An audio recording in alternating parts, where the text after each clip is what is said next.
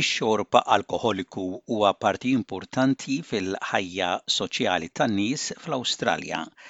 Imma dawk b'diżordnijiet ta' użu alkoħoliku jixorbu iżżejjed u jipperikulaw il-ħajja tagħhom u possibilment il-ħajja ta' oħrajn madwarhom.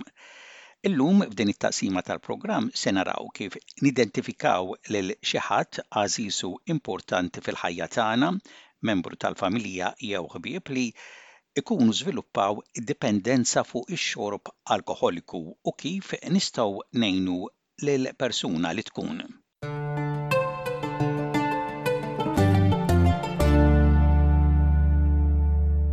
Skont informazzjoni riċenti ppubblikata f'Marzu ta' din is-sena mill-Buro Awstraljan tal-Istatistika, persuna minn kull erba' li għandhom fuq it-tmintax il sena jixorbu aktar mill-konsum irrakkomandat skont il-linja gwida ta' għaxar xarbiet standard kull ġimgħa. Imma f'liema punt ix-xorb alkoħoliku jsir problema u kif tista' tgħid jekk xi ħadd għażiż għalik, xi ħadd fil-familja tiegħek isofrix mix-xorb żejjed li hija marda kronika. Helen Gillis hija s-CEO f'Al Anon Family Groups Australia, network li jissapportja fabilji u ħbieb ta' dawk alkoħoliċi. Hija tgħid li l-bidla fil-burdata u l-imġiba tal-persuna huma xi sinjali li xi ħadd jista' jkun qed jiżviluppa dipendenza fuq ix-xorb alkoħoliku. M'hemmx mod wieħed ta' imġiba, il-persuna tista' tibda tkun argumentattiva u tinqata' mill-oħrajn. The biggest thing we talk about is behavioural changes, and that can vary from person to person, obviously. But often people become different physically. Their mood can change, they can become very angry or upset, they can become very elusive and secretive, they can become very argumentative, um, or they can become quite distant and removed. So there's no one set of behaviours, but we, we tend to think about um, an alcoholic is somebody whose mood changes. Eleonor Costello hija l-Evidence Manager f'Alcohol and Drug Foundation, organizzazzjoni governattiva li għandha l-għan li tnaqqas il-ħsara li jikkaġunaw l-alkoħol u drogi oħra.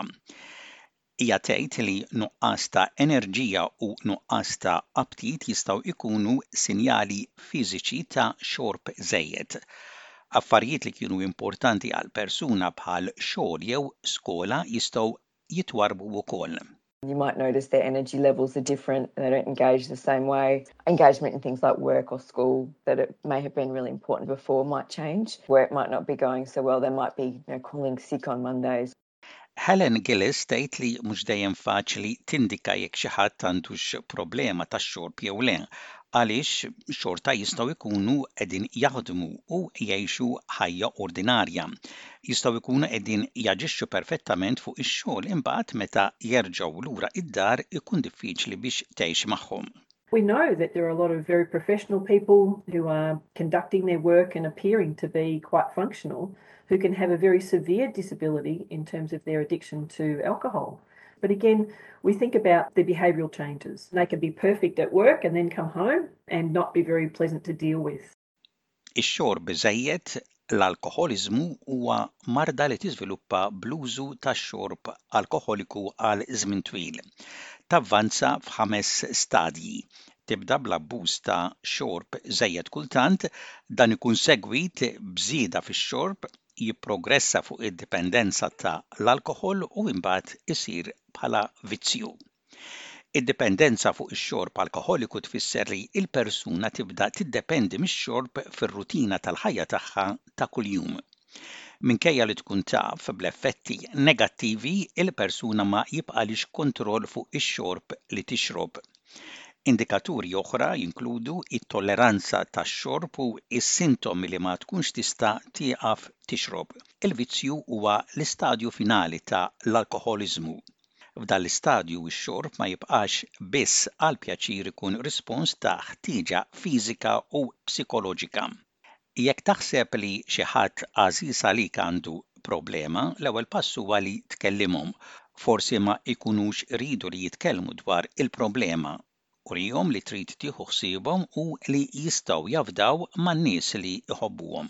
They might not want to talk about it, but being able to reach out and make sure they know how much you care about them and that just general check-ins and making sure they know you're there for them that you care that you're there to talk about anything that might be going on in their lives make them feel like they're cared for feel like they can trust the people around them they're much more likely to open up Qabel tqajjem il-kwistjoni tax-xorb importanti li l-familji u l-ħbieb ifittxu għajnuna professjonali, tispjega Eleonor Costello, biex ikunu jafu kif jimxu mal-persuna affettwata mill-alkoħol.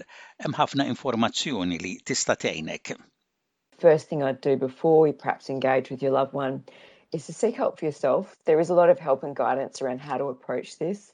we do have a lot of resources that are translated as well that can guide people through signs to recognize what do I do, what are the questions I ask, how not to get anxious myself about it and the first reaction is because you know your heart rate increases you get anxious yourself you all these emotions come to play because you care so much about this person Għal xi nies li jxorbu iż-żejjed hemm il-possibbiltà li jsiru emozzjonali ħafna, jirrabjaw jew isiru aggressivi.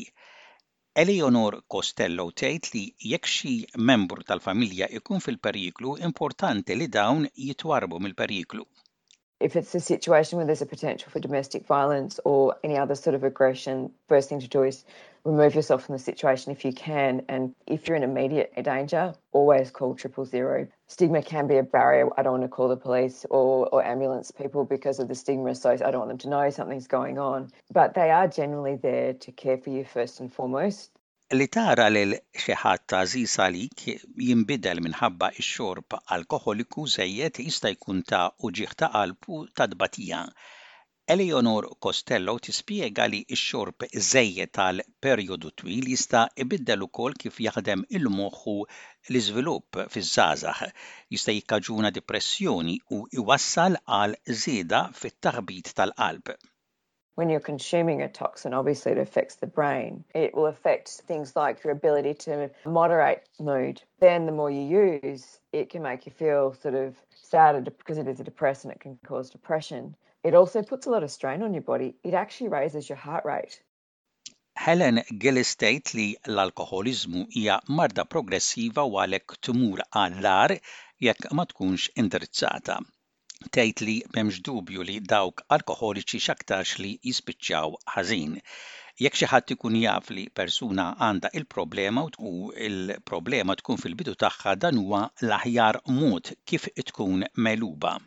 alcoholism can ruin lives. There's no two ways about it. Um, it doesn't end well for most people. If somebody knows they've got a problem with alcohol at an early stage and they do something about it, then that's the best possible scenario. But it's unfortunately a progressive disease. Every time an alcoholic picks up a drink, it gets worse. The situation, the behaviours, the outcome's not going to get better. That they'll start having blackouts, that they'll start having behavioural changes, they'll start having trouble at work, they'll start having trouble with money, they'll start having trouble with their relationships. So it's a cyclic kind of disease and going downwards. And the families can be brought into that as well.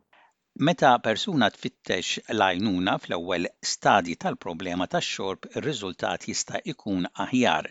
Eleonor Costello iżżid li huwa perikoluż għal dawk alkoħoliċi li jieqfu jxorbu mingħajr l-għajnuna tat-tabib. our Path to Help website does have over 10,000 help and support services listed there that can be found for your local area as well. It's a good starting point, and it also has a lot of self help information because they may not be ready to talk to someone, but they might be ready to have a look at some of the things they might be able to do to start with those initial stepping stones to getting some help and support. Helen Gillis tgħid li huwa importanti għal familji li ifittxu għajnuna professjonali biex jgħinu lilhom infushom ukoll.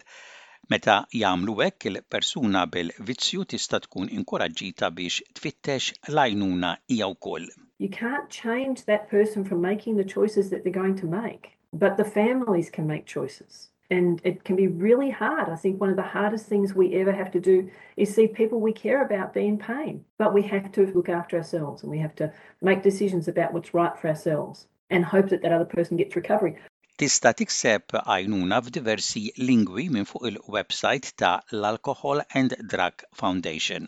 Jekk tkun trid aktar għajnuna tista' iċċempel il-linja ta' pariri LAnon 1300252666, il-linja ta' l-Alcohol and Drug Foundation 180085